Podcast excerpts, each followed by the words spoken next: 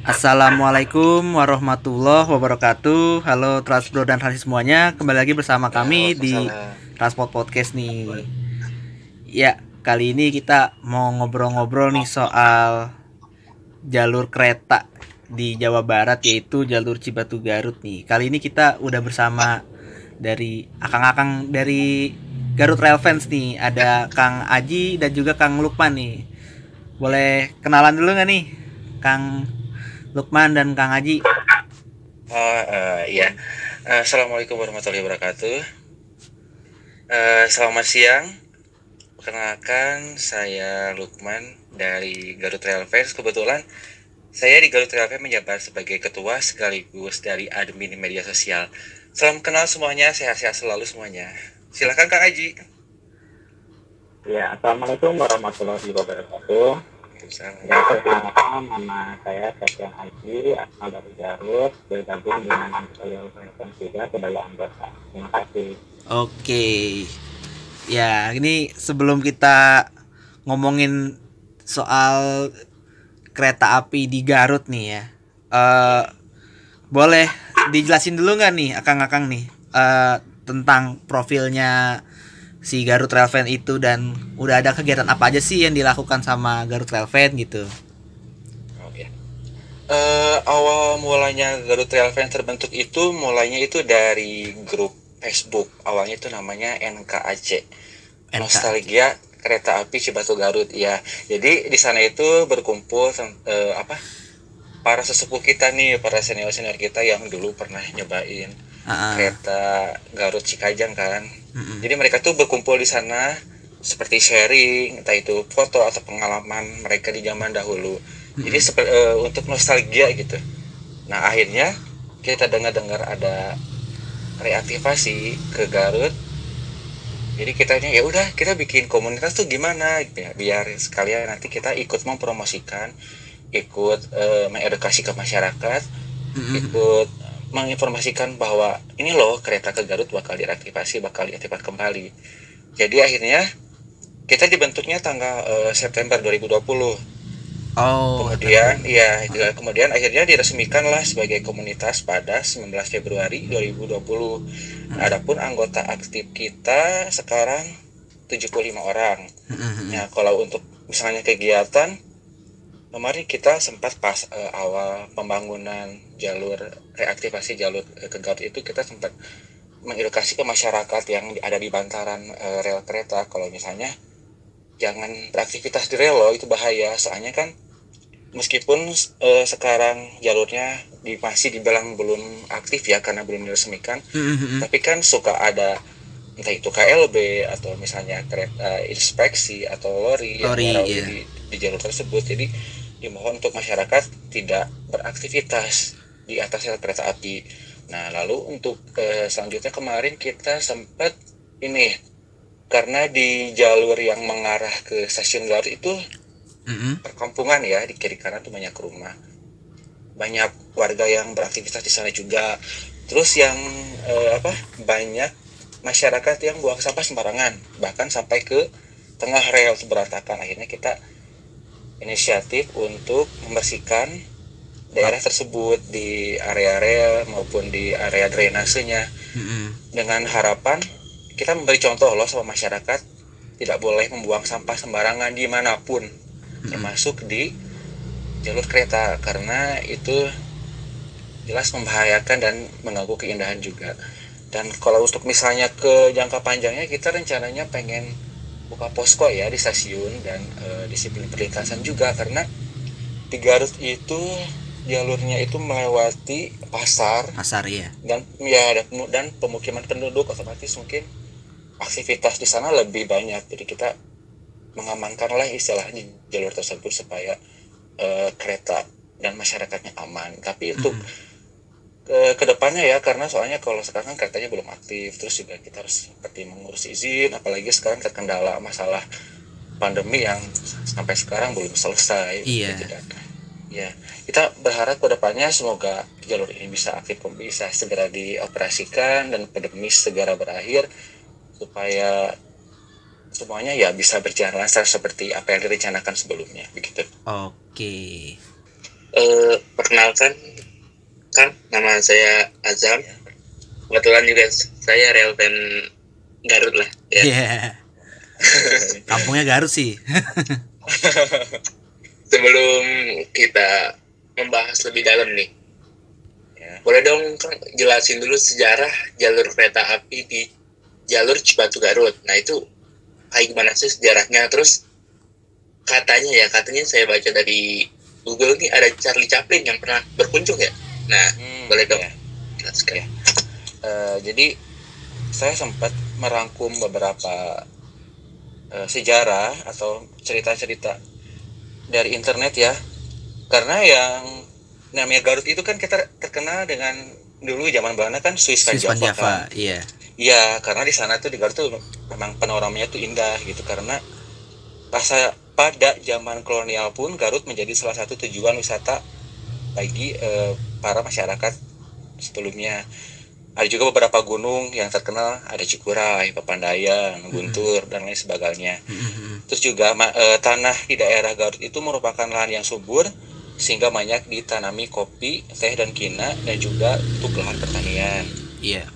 Nah ceritanya dulu itu Garut itu memiliki lahan subur dan pemandangan yang menawan namun karena kontur dan geografisnya banyak eh, pegunungan, perbukitan, akhirnya membuat yang dulu angkutan untuk pedati yang ditarik oleh kuda mengalami kesulitan untuk memakan dan memakan waktu tempuh yang lama. Akhirnya perusahaan kereta api negara Sasperwagen membangun jaringan kereta api lah menuju Garut. Hmm. Nah, pembangunan jalur kereta api di Garut itu dimulai dari Cicalengka pada tahun 1887 sebagai bagian dari pembangunan jalur kereta api Priangan hingga Cilacap. Hmm. Sebelumnya, SS telah merampungkan pembangunan jalur kereta di Buitenzorg atau Bogor, Bandung hingga Cicalengka pada tahun 1884. Hmm. Nah, kemudian pada 14 Agustus 1889 Jalur kereta api dari Cicalengka hingga Garut sepanjang 51 km dibuka untuk umum dan diresmikan oleh Gubernur Jenderal Hindia Belanda. Nah, kemudian pembangunan dilanjutkan perpanjangan jalur dari Garut menuju Cikajang yang dimulai tahun 1921 wow. dengan menyentuh ketinggian plus 1246 meter di atas permukaan laut yang dibuka pada tanggal 1 Agustus 1930 sepanjang 28 km. Nah, konon katanya ceritanya komedian legendaris asal Inggris Charlie Chaplin pernah menyambangi Garut. Kedatangan Charlie Chaplin ke Indonesia atau ke Garut dikabarkan koran Het, Het News van den Dagvoer Nederland Indi yang terbit pada tanggal 29 Maret 1932. Oh, tahun 32. Ya, 30 Maret 1932 Charlie Chaplin tiba di Garut meskipun hanya satu malam saja menginap di sebuah hotel di Garut.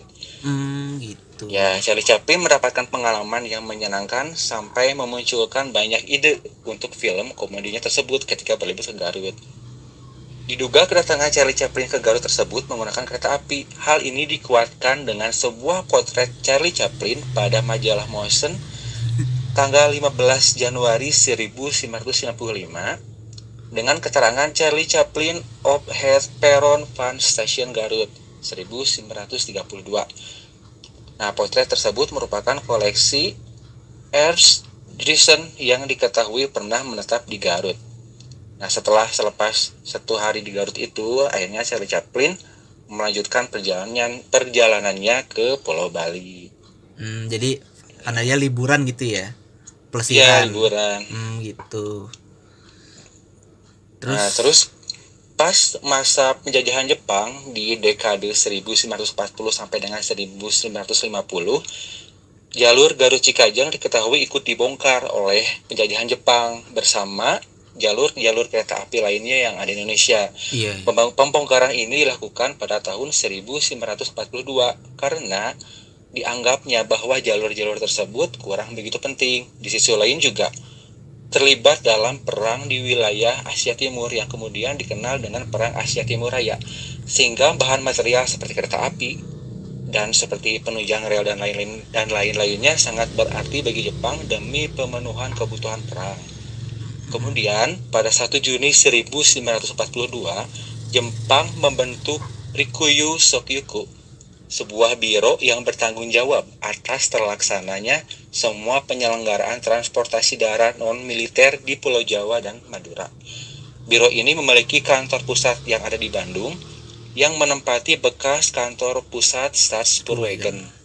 Demi menjamin kelancaran transportasi darat tersebut, biro ini menyelenggarakan angkutan berbasis kereta api, truk, bus, dokar, dan sebagainya.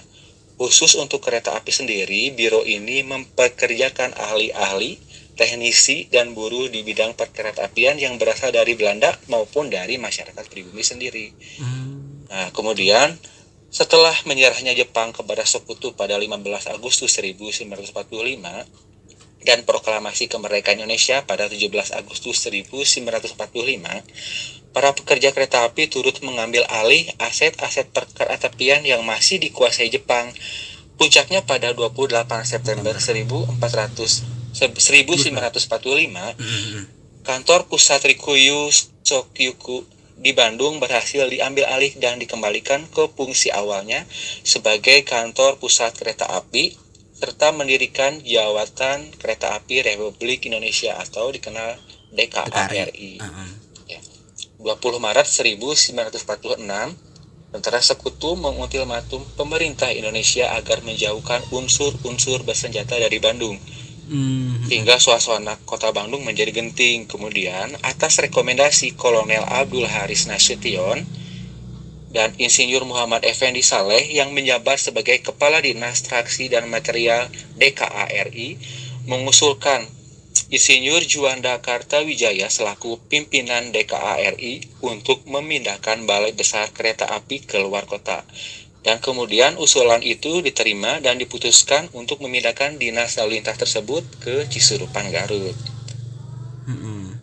Pada 24 Maret 1946, Bandung dibumi, hang, dibumi hanguskan oleh tentara rakyat Indonesia dan rakyat pribumi sehingga ribuan penduduk kota Bandung meninggal, meninggalkan Bandung sembari membakar rumah mereka dan mengungsi ke daerah Bandung Selatan, Garut, dan sekitarnya.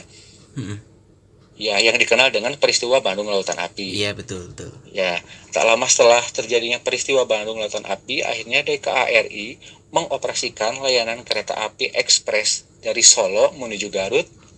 Layanan kereta api tersebut ditujukan untuk membuka akses hubungan cepat antara Yogyakarta yang dulu ibu kota menjadi ya? ibu kota darurat Indonesia mm -hmm. dengan Cisurupan yang sebagai eh, kantor DKRI yang sementara yang dulu dipindahkan dari Bandung menuju Cisurupan. Ya perlu diketahui meskipun Cisurupan ketika itu dipilih menjadi kantor dinas lalu lintas DKARI, realitanya Cisurupan tidak dapat diakses oleh kereta api karena lintas Garut Cikajang tersebut yang melewati Cisurupan jalurnya telah dibongkar oleh Jepang, Jepang. dan belum sempat dibangun kembali.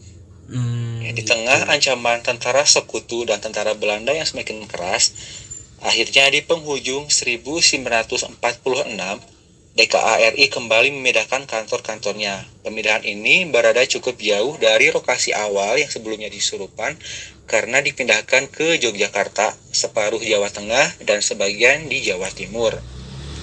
Hmm, hmm, Pada 1947, Belanda mulai masuk kembali ke Jawa Barat dan menduduki kota Bandung. Melihat kondisi yang telah porak-poranda, Belanda pun mulai memperbaiki dan merekonstruksi ulang infrastruktur yang telah dihancurkan sebelumnya. Di bidang perkeretaapian sendiri, Belanda mengumpulkan ahli-ahli, teknisi, dan pegawai kereta api milik negara, Staatspoorwegen atau SS, dan e, berkolaborasi dengan pihak swasta setelah itu dibentuklah gabungan perusahaan kereta api negara Belanda dan swasta yang pernah beroperasi di Hindia Belanda yang bernama Saspoorwegen Verenigd Spoorwegbedrijf atau SSVS. SSVS bergerak dalam penanganan rehabilitasi atau reaktivasi sejumlah jalur kereta api yang telah rusak di Jawa Barat dan sebagian di Jawa Timur.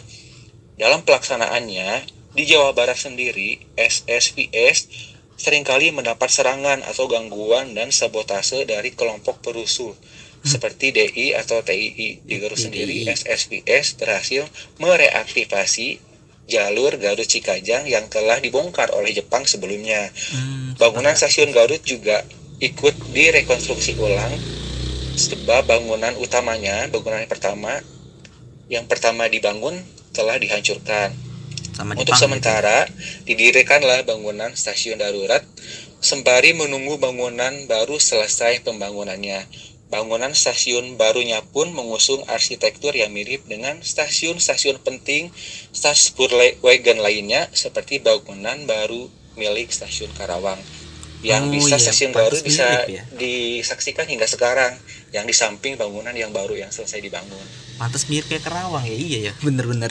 Iya, iya emang mungkin Karawang kan lebih panjang ya iya iya. bangunannya cuman cuman stasiun Garut mungkin lebih pendek. Iya, tapi uh, bentuk bangunannya tuh ya sa- sa- persis lah gitu. Kira-kira Iya. bentukannya dari Iya, arsitekturnya iya sih baru sadar. Iya.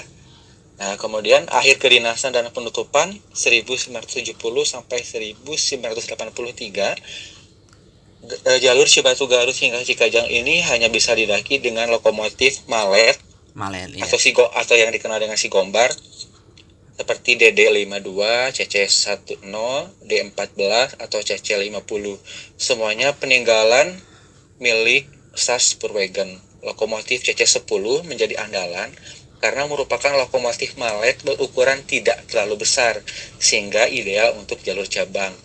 Meskipun penurunan kondisi di akhir masa operasinya, jalur ini membuat lokomotif CC50 lebih sering digunakan. Kemudian dekade 1970-an menjadi dekade emas bagi jalur ini karena jalur ini banyak didokumentasikan oleh para pecinta kereta api dari luar negeri.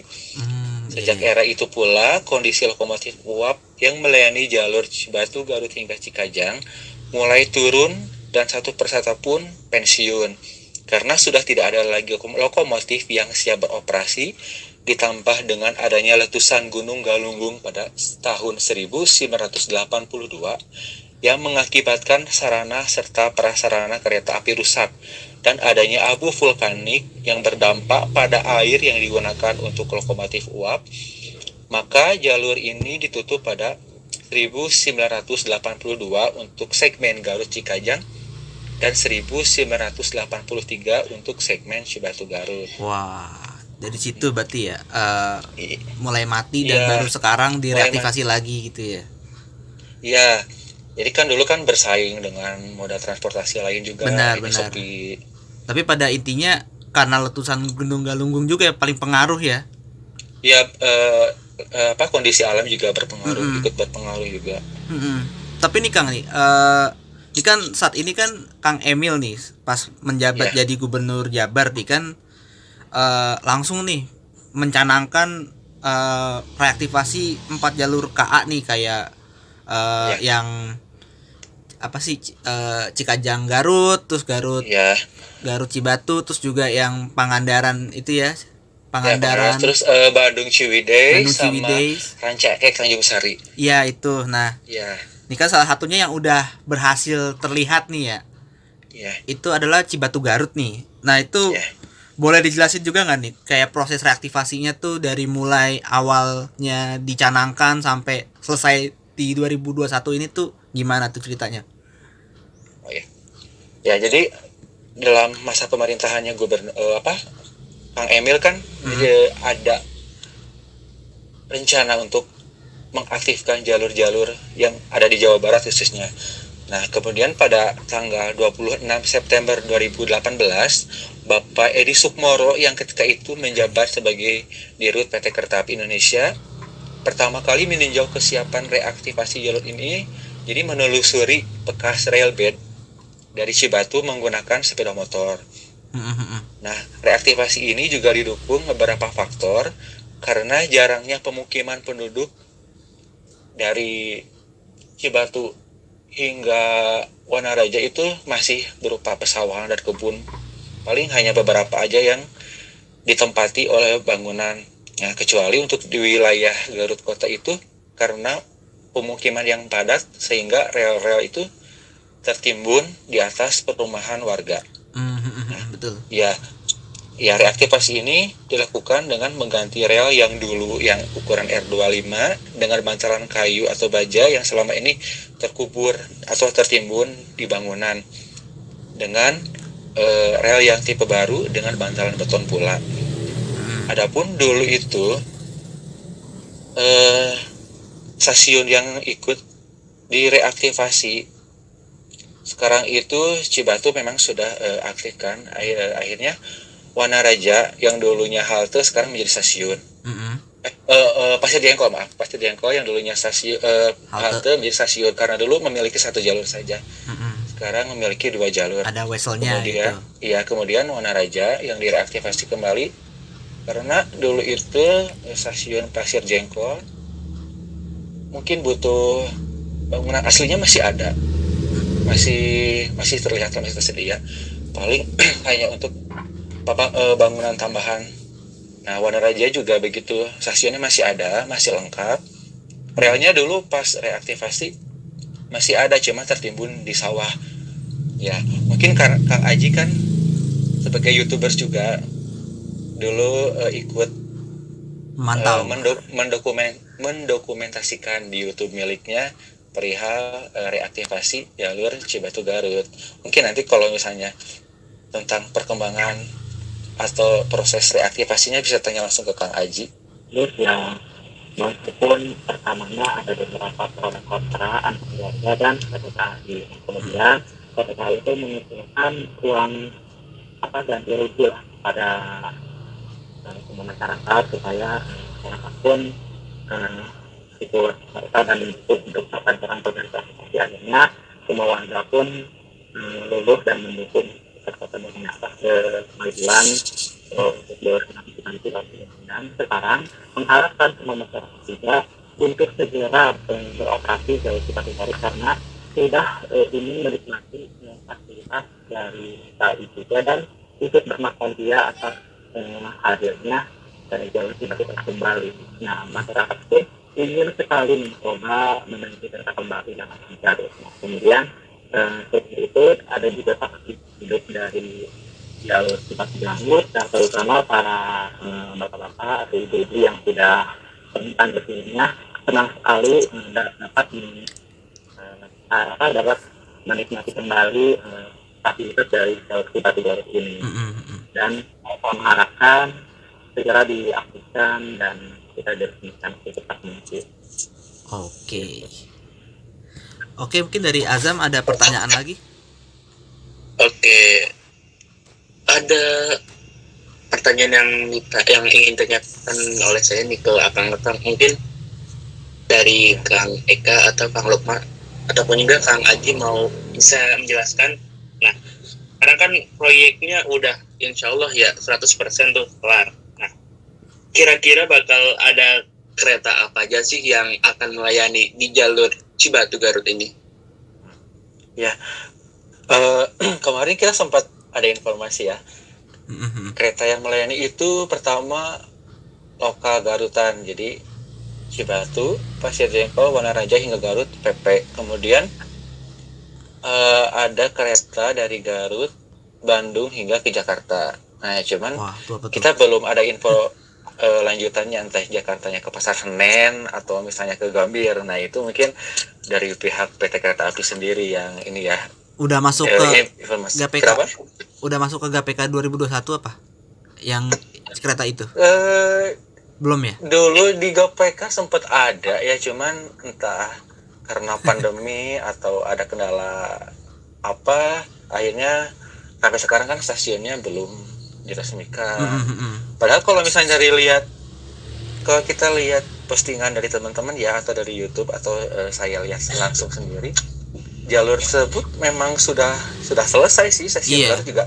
Gimana Kang Haji yang rumahnya dekat stasiun Garut sudah selesai kan stasiun Garut? Sudah rampung, siap digunakan untuk operasi cuma tinggal kita sekarang eh, lagi sistem pemeliharaannya dan sistem sterilisasi serta itu kan peresmian berjalan dengan lancar mm -hmm. dan tidak ada hambatan apa pun nah, nah untuk saat ini stasiun Garut di Jakarta oleh petugas yang tidak ada masyarakat atau siapa pun eh, bisa masuk tanpa izin dari petugas. Hmm, hmm, hmm, hmm. Tapi ini katanya Iya sih. denger-denger itu juga nih sempet waktu pas udah jadi tuh ya sempet banyak spekulasi tuh wah Argo Parahyangan diperpanjang ke Garut katanya gitu Oh, kalau Argo Parahyangan mungkin beda lagi ya mungkin keretanya namanya. Bisa ganti Mungkin, nama. eh, kelasnya mungkin sama dengan Argo Parahyangan eksekutif dan ekonomi premium. Tapi mungkin untuk penamaannya sendiri kan eh, Parahyangan kan pasti eh, udah pada tahu kan pasti ga, Ban- Bandung Gambir Bandung Gambir Iya. eh, pulang pergi kan. Iya. Kalau misalnya ke, ke Garut pasti eh, dengan nama kereta yang berbeda paling seperti itu. Mm-mm. tapi emang ada rencana yang untuk Jakarta Garut ya iya Jakarta ada. Bandung Iya. Cibatu Garut gitu iya. Oh iya iya. Kirain kayak apa ke Pangandaran gitu tapi tidak sampai Pangandaran. Iya kalau Pangandaran memang jalurnya kan belum tersedia. Belum masih masih belum ada tanda-tanda reaktivasi masih dikaji-kaji itu jalur. Kayak susah jalurnya. Iya banyak terowongan, banyak jembatan panjang juga. Belum kan banyak Pangandaran tuh lintasnya kan lumayan panjang ya. Mungkin Betul. kalau Cibatu Garut kan 19 km, kalau misalnya ke Pangandaran kan lebih panjang lagi jalurnya. Belum stasiunnya yang sudah entah itu hancur, belum jembatannya juga kan tahu sekarang cuma tinggal menyisakan pilar betonnya doang, Iya. udah nggak ada. Iya, Jadi benar. mungkin dan pasti biaya juga lebih besar dibanding reaktivasi yang ke Garut. Iya benar karena kalau Garut kan cuma belah sawah dan juga mungkin pembebasannya eh sedikit lebih besar di Iya. di Hmm. Garut kota ya Iya, dekat-dekat stasiun Iya. ya belah kam- perkampungan perkampungan itu Iya betul. terus juga ada eh, ini spekulasi lagi lokal Cibatuan dari Purwakarta Cibatu diperpanjang sampai Garut apa bener tuh ya Lokal belum denger ya. Paling dengernya kita tuh dengernya yang lokal lokal eh, Cibatu Garut saja.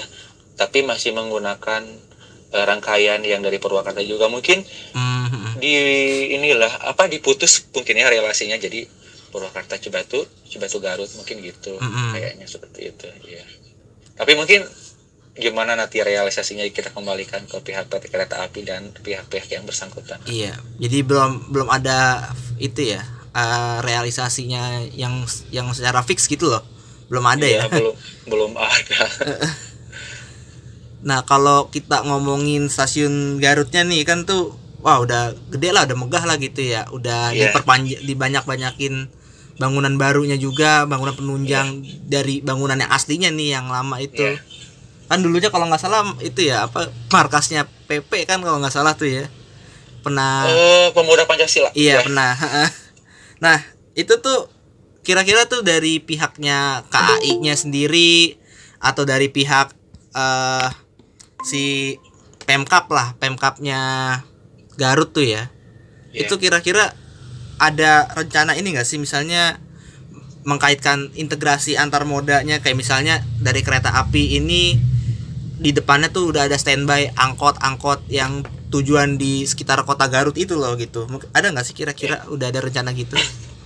Kalau misalnya untuk integrasi memang stasiun Garut ini berada tepat di tengah kota ya. Benar, benar. Langsung jalan bang kan. Itu eh, angkot akses apa akses untuk angkotnya sendiri cukup mudah ya jalan bang. Terus ke arah ke arah itu barat sendiri itu langsung ke jalan utama ya. Ada Hmm. alun-alun juga, ada pusat perbelanjaan juga. Yaitu angkot-angkot memang lewat situ yang mau ke arah Cikajang juga lewat sana. Jadi Hmm. mungkin memang nggak terlalu susah sih aksesnya kalau misalnya untuk integrasi juga memang sudah angkotnya sudah memang jalur utamanya angkotnya memang sudah lewat situ dan tidak terlalu susah kayaknya untuk angkutan umum. Nah mungkin Kang Aji yang rumahnya dekat stasiun Garut sebelahan gimana kalau untuk moda transportasi dengan angkutan umum?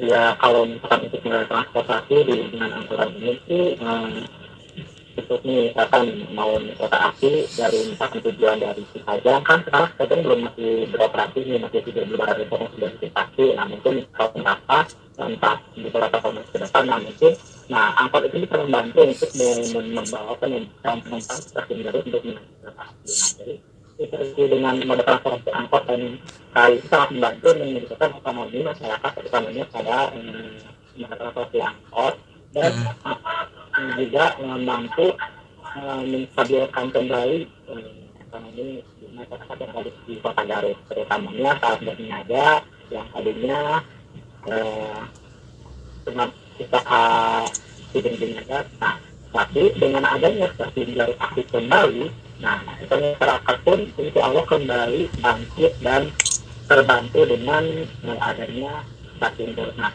kalau misalkan ada wisatawan dari luar Garut menuju Garut untuk kereta api nah, mm -hmm.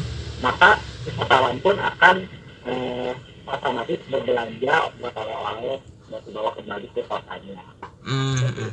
Karena pemilik kotanya pun sangat strategis dengan pusat perbelanjaan, utamanya jajanan oleh-oleh yang ada di kota. Mm -hmm.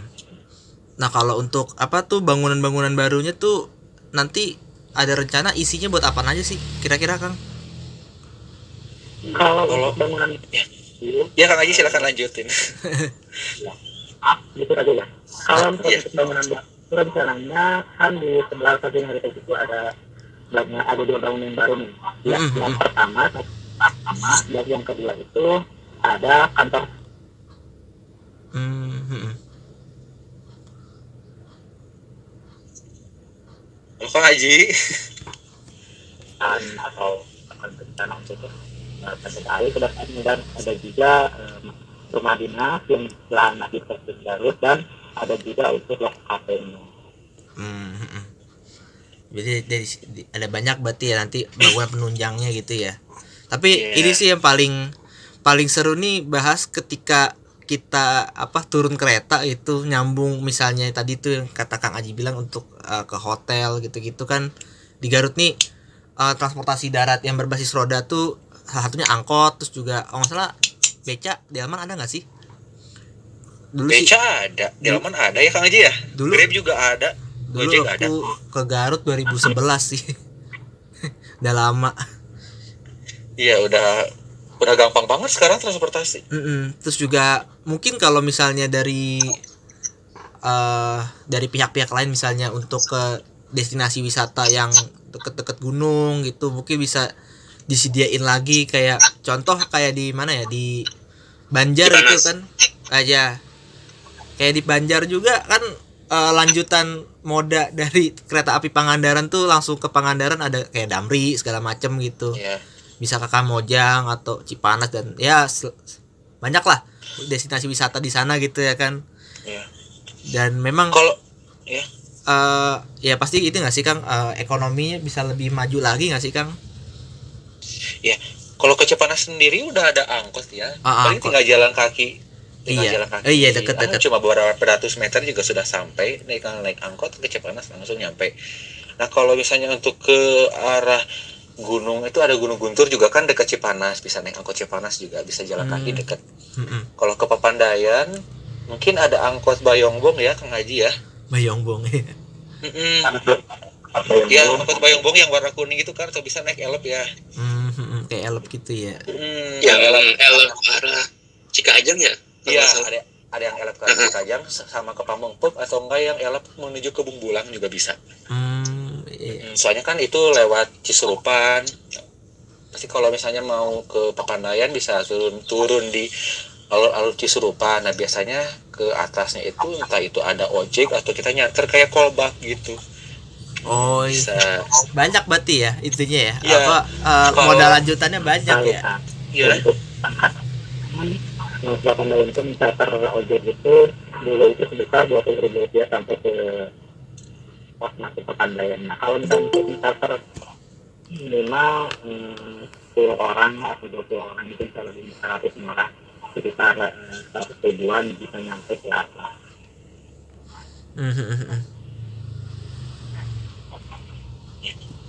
Uh, karena sekarang ini kan kalau misalnya sekarang ya banyak kan yang suka ini nih suka naik gunung kalau ke Gunung Guntur, Papandayan, atau Cikuray kan yang terkenal yang terkenal di Garut kan itu.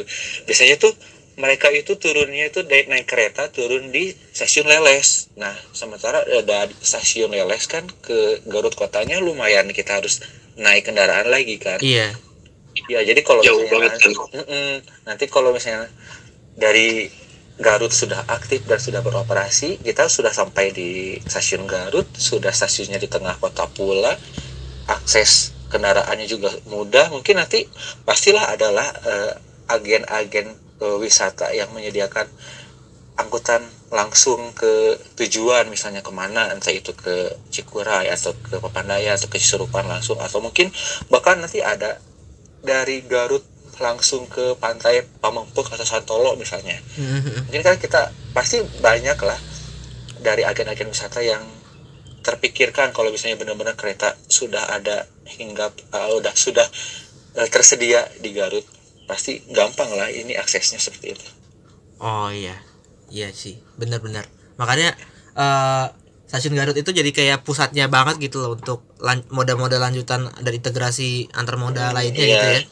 ya karena di samping Garut terkenal dengan wisata alam terus Mhm. juga ada ini loh eh, kerajinan jaket kulit juga Iya, di di Oh, kotanya iya. juga banyak gitu loh, banyak banyak wisata Iya, banyak juga. banget. oleh-olehnya juga ada dodol coklat coklat berayot. borayot borayot di leles Oh iya. Iya. Tapi di Garut juga ada kok banyak. Dorok dok kerupuk kulit. Ah banyak pokoknya. Belum eh, has- eh, hasil pertanian kan. Benar. juga Garut juga kan. Iya. Pertanian kan ada petani milenial kan di Garut. Jadi mereka itu em, apa? Hasil tani dari para petani itu dijual secara online. Jadi mungkin nanti di Garut ada kereta logistik jadi untuk mengangkut hasil pertanian atau hasil kerajinan Bisa, atau bisa. hasil UMKM masyarakat Garut untuk dibawa ke Bandung atau Jakarta didistribusikan langsung karena kan eh, kalau kita kirim lewat kereta nggak usah macet Iya. paling nggak nyampe 24 jam juga sudah sampai di tujuan kan. Mm-mm. lebih nyaman lebih enak lebih murah lebih cepat Nah, kalau untuk apa stasiun-stasiun di Kabupaten Garut tuh yang secara aktif tuh apa aja sih? Selain Cibatu, Leles, terus Kedung Ora, apalagi sih? Ah, di Garut itu leles. Ah, kalau leles Kadungora itu sebenarnya sama. Oh ya, Maya. nah, Kadungora itu nama daerahnya, cuma nama stasiunnya stasiun leles. Mm-mm, Kedung Ora apa Tiber itu ya? Eh, Nah, kalau tiber tiber Kadungora sebelah sananya lagi Oh, dari gitu. antara stasiun leles sama Lebak Jero. Oh iya iya gitu. Itu, ter- itu terkenal kan di kalangan rail fans banyak foto-foto di sana. Ah, ah, ah. Iya terkenal banget. Terus ada stasiun Karangsari. Nah, kalau stasiun Karangsari itu nu- turun turun naik turun naik penumpang kereta api lokal Cibatuan. Terus ada halte Lewi Goong, go. Stasiun Cibatu, stasiun Warung Bandrek. Kalau stasiun Warung Bandrek itu hanya melayani untuk persilangan saja. Sama stasiun Stasiun Warung Bandrek, stasiun eh, Bumi Waluya. Mm-mm. Terus yang Bumi Waluya juga sama sih itu juga untuk eh, persilangan saja jadi nggak ada kereta yang normal untuk naik turun penumpang kemudian stasiun Cipendei nah, Ah, kalau iya, stasiun Cipendei. Paling ujung nih paling ujung Kabupaten Garut Oh, paling Nah, ujung itu Cipendei ya? Mm-mm, Oh. soalnya kalau misalnya dari Cipendei antara Cipendei Ciawi nah Ciawi udah masuk Tasikmalaya Asik, ah. Berarti nih ujung Nah, timurnya tuh Cipendei gitu.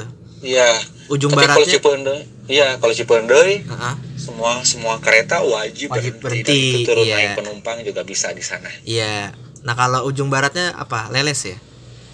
Atau bukan? Leles apa? Lebak Jero Lebak Jero. masuk Kabupaten Bandung bukan ya Kang Haji? Iya, kalau misalkan Lebak Jero itu sudah termasuk Kabupaten Bandung dan ada perbatasan juga di sebelum Lebak Jero itu ada, sudah ada eh, peraturan selamat datang di Kabupaten Bandung dan selamat jalan menuju eh, ke arah Kabupaten Bandung. Ya, jadi ujungnya stasiun Leles, stasiun Oh, Leles. dari baratnya Leles. Hmm, gitu. Iya. Tapi Muara, dulu kan eh, lewat itu kan daerahnya sampai Kati Muara gitu, maka nah sekarang itu kita ke kecamatan maka Kati Muara sama Leles maka nah stasiun Leles itu masih ada di Muara. Dulunya itu Kati tempat stasiun itu sebenarnya itu masih masih masuk ke kecamatan Leles, cuma sekarang kita pemakaran kecamatan saja.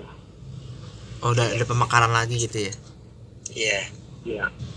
Oke bang, eh oke kang, ini saya sering DM DM ke Garut Rail Fans nih soal si Kajang lah ya. Cie. eh waktu tahun 2019 eh 2020 pas awal-awal pandemi kan waktu itu saya ke Cikajang. Itu melihat dari kondisinya ya ya emang nggak cocok. Maksudnya udah nggak udah bener-bener nggak terawat banget. Tapi ada pelang PT KAI-nya itu masih baru. Pelang aset ya? ya pelang asetnya tuh. Terus juga eh, untuk jalur-jalurnya ya. Peron-peronnya itu masih ada cuman rela udah nggak ada. Nah kira-kira nih kang ya eh, reaktivasinya itu bakal sampai ke Cikajang nggak sih? Kan jalur ke sana tuh ekstrim banget tuh. Kalau dari Garut ke Cikajang itu naik naik turun kan sih? Naik turun gunung gitu? Mut, iya iya benar. Kayak muter-muter. Nah kan ekstrim tuh sama kondisinya kondisi dari stasiun itu sendiri udah nggak udah benar-benar nggak baik lah ya. Nah menurut akang-akang di sini gimana? Tentang reaktivasi sampai Cikajang oh iya. Kalau pas awal-awal dari Kang Emil itu kan sampai Cikajang ya reaktivasinya. Hmm, cuman pas awal mau reaktivasi juga dengar-dengar sih mau sampai Cikajang tapi sekarang berita itu entah jadi atau tidaknya kurang tahu ya soalnya kita juga nggak dengar mau lanjut sampai Cikajang sih. Lebih diprioritasin Garutnya aja ya, Garut kota. Hmm, iya betul. Karena belum lagi sekarang kan di daerah Pamoyanan ya Kang Haji ya. Yang itu yang banyak penolakan itu Kang Haji. Banyak sekali penolakan di daerah sana sampai Hmm. ya. Nah, sampai ke sana sampai ke Bayongbong Samaran juga kan sama. Nah di, di sana tempat untuk menolak untuk reaktivasi nah banyak sekali yang kontra untuk pengakuan proses reaktivasi untuk Cikajang Hmm. untuk misalkan kalau misalkan eh, untuk ke depannya men- harus nih sudah terrealisasi dengan sempurna maka eh, apa mau apa boleh lihat kita lanjutkan ke Cikajang nah cuma kita harus menyelesaikan dulu jalur jalurnya yang sangat spesial dan ekstrim nih. Nah, untuk mungkin tahap untuk proses Cikajang itu butuh uji coba yang sangat lama banget untuk dilakukan sebelum dioperasikan di kalau sudah diaktifasi untuk melakukan uji coba itu mungkin memakan waktu terlalu lama dan sangat lama sekali. Nah, di, di, di, dicoba dengan jenis lokomotif seperti apa? Lokomotif apa nih yang kayaknya yang cocok pada dimanfaatkan untuk melalui jalur panjang. Kan kalau dulu kan eh, lokomotifnya menggunakan tiga batu yang gede berapa gitu kan ya iya selesai. Nah, dengan nah, dengan masinisnya harus dengan masinis yang profesional dan berstandar lah.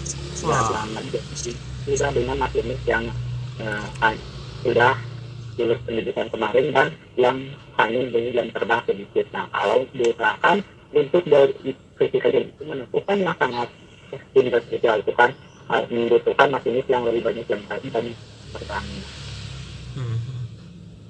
Berarti eh, kasusnya mirip-mirip juga kayak dari ini ya, yang jalur dari eh, Ciranjang itu ya.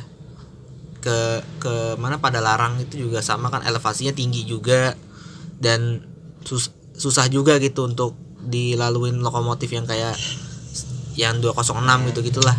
iya iya ya kalau pada larang memang itu radius tikungannya itu benar-benar nikung ya jadi Mm-mm. mungkin untuk lokomotif ukuran sekarang pas mau di tikungan yang seperti itu mungkin agak susah dan emang gradiennya emang lumayan curam sih Curam, kalau ya. misalnya dari Padalarang ya dan dengar-dengar kalau di Padalarang juga mau mau buat trase baru katanya Mm-mm, jadi mm-mm. nggak lewat trase lama soalnya emang benar-benar curam sih Iya katanya lewat apa Cilametago Apu Eh, itu iya ada shortcut shortcut baru. ke Cilame katanya nggak nggak Iya. tahu sih, belum lanjut. iya Tapi intinya ini yang ke Cikajang ini masih tanda tanya ya.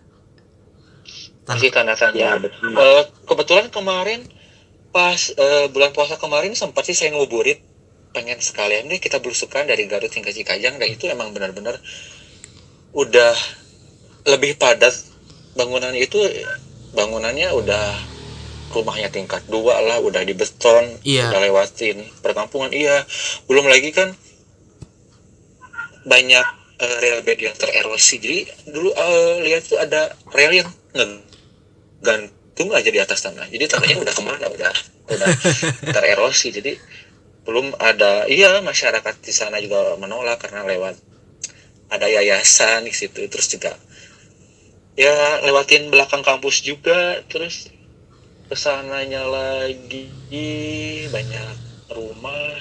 Terus juga jembatan juga lebih banyak ke sana. Stasiunnya juga kondisi stasiunnya emang kebanyakan sudah rusak ya. Mungkin ada beberapa sih yang masih bagus kemarin pas saya lihat. Itu juga kalau misalnya harapan kami ya emang benar-benar bisa direaktivasi sampai Cikajang sih. Soalnya ada e, Bayongbong tuh stasiunnya benar-benar dekat belakang pasar tuh. Soalnya pasti bakal ramai Bakal lah rame, betul. Strategis.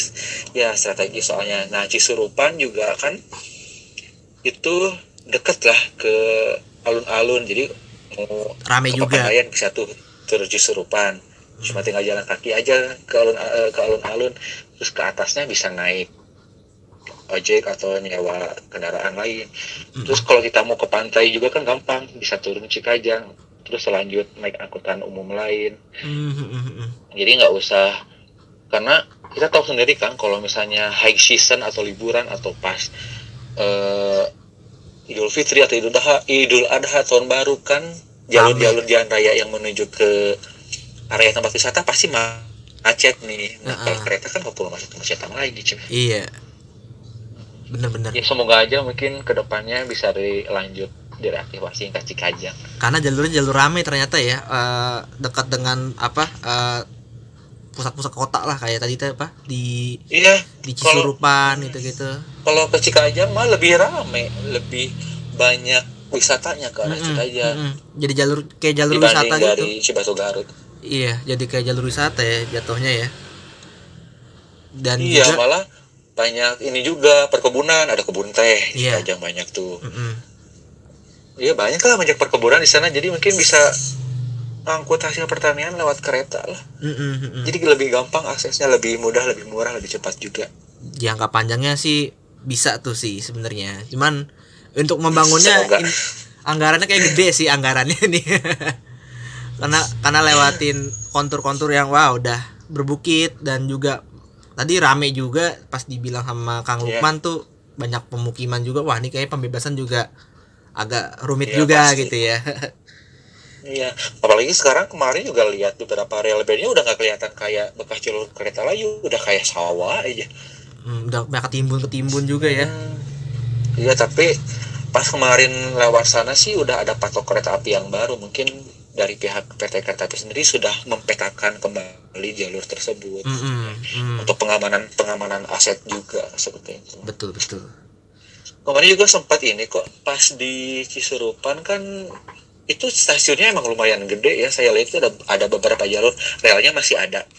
Mm-mm. Si emplasemennya masih ada, terus peronnya masih ada, stasiunnya masih ada, rumah dinasnya pun masih terawat karena memang ditinggali, entah itu ditinggali atau dikontrakan masih sama warga, jadi emang terawat. Nah, kebetulan juga ada masyarakat yang ada di daerah situ juga nanya-nanya, Mas ada apa katanya, cuma foto doang. Terus saya iseng-iseng nanya kan, Pak gimana nih kalau misalnya kereta ini dibuka lagi ke sini direct pasti oh ya nggak apa-apa senang-senang aja katanya kata warga di sana begitu. Ya mungkin dari warga sekitar juga emang mendukung ya. Mungkin yang warga yang menolak mungkin hanya beberapa oknum aja lah yang mencari keuntungan di balik kejadian inilah begitu. Tapi rata-rata banyak yang dukung juga gitulah ya. iya banyak yang dukung juga sih. Mm-mm. Karena Nah, ya kalau misalnya kereta api aktif kembali kan bisa mendukung perekonomian juga kan Iya, masyarakat betul. mobilisasinya lebih gampang nah, Iya. nah berarti eh, ada kesimpulan bahwa masyarakat Garut nih untuk menyambut kembali hadirnya kereta api tuh euforianya tuh bisa dibilang eh, senang dong berarti ya. Ih, banget soalnya kemarin juga sempat ada beberapa kali uji coba kan? Iya, iya, iya, iya, yang pakai lokomotif. itu, iya ada kereta ini loh eksekutif yang pakai rangkaian stainless steel. Mm-mm, nah mm-mm. itu orang benar-benar banyak yang nyambut. Kebetulan kan saya juga mengabadikan momen tersebut. Iya. malah warga juga banyak ah ini kapan dong jalannya? Ah, keretanya kapan? Nih jam berapa? Wah, juga lihat kan di Iya, di Instagram juga ah tadi kemarin ada kereta ya ke Garut katanya. Eh kapan dong jamnya berapa, tiketnya berapa? Wah, udah aja?" pernah nanya-nanya kayak gitu ya. Masih, iya, masih masih uji coba. Terus kapan dong katanya? Ya udah sabar, nunggu pengumuman langsung dari PT Kereta Api. Ah, ah, ah, ah. Karena sih bentuk apa fisiknya udah udah kelihatan gitu, udah ada rel gitu. Ini kan pasti orang-orang awam nanya kapan kapan adanya nih ya kan. Iya, memang sudah sudah 100% beres sih kalau menurut saya dari lintas sama stasiunnya juga sih udah Ah, ah. beres. Tinggal ya mungkin nanti paling macet-macet di perlintasan doang di deket stasiun Garutnya gitu. Macet-macet lagi. Eh, kalau denger-denger juga katanya yang di Pasar Mawar mau ditutup ya Kang Haji perlintasannya apa benar nggak sih? karena di dalam mawar itu nanti akan ditutup selama benteng dan di situ tidak ada PJL dan semua jalan-jalan pun dialihkan ke samping kemudian ke bawah pasar baru. Nah, Hmm, itu. untuk Ya, jadi dibuatkan jalur jalur alter- alternatif untuk warga jadi untuk yang mau ke pasar jadi nggak usah lewat rel soalnya kan kemarin juga kita lewat sana itu ada PJL yang dekat pasar baru malah di pinggir rel itu malah dijadiin TPS jadi sampah tuh numpuk jadi udah bau udah relnya udah karatan udah kekubur sampah jadi mungkin biar lebih rapih kali ya mungkin nanti dirapihin sama lagi bersihin ya, nah dan semuanya dan sekarang sampah itu makin menumpuk dan makin menumpuk di jalur semuanya tidak jelas sekarang tertutup oleh eh, KTS itu.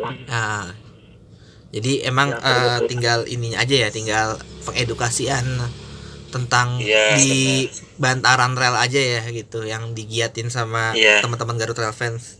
Nah, Iya, tapi nih eh, sebagai closing statement juga nih, kira-kira dari teman-teman Garut Fans nih punya harapan nggak nih untuk eh, perkereta apian di wilayah Jawa Barat gitu loh, di Priangan gitu. Daup 2. Oh ya kalau dari kami pribadi sih pertama pengennya pandemi cepat berakhir dulu yang Oh jelas ya. iyalah, amin Biar- gitu. Iya, biar kita bisa beraktivitas seperti sedia kala. Terus Iya, juga karena wisata. efek pandemi sekarang kan banyak perjalanan kereta yang dibatalkan ya. Betul.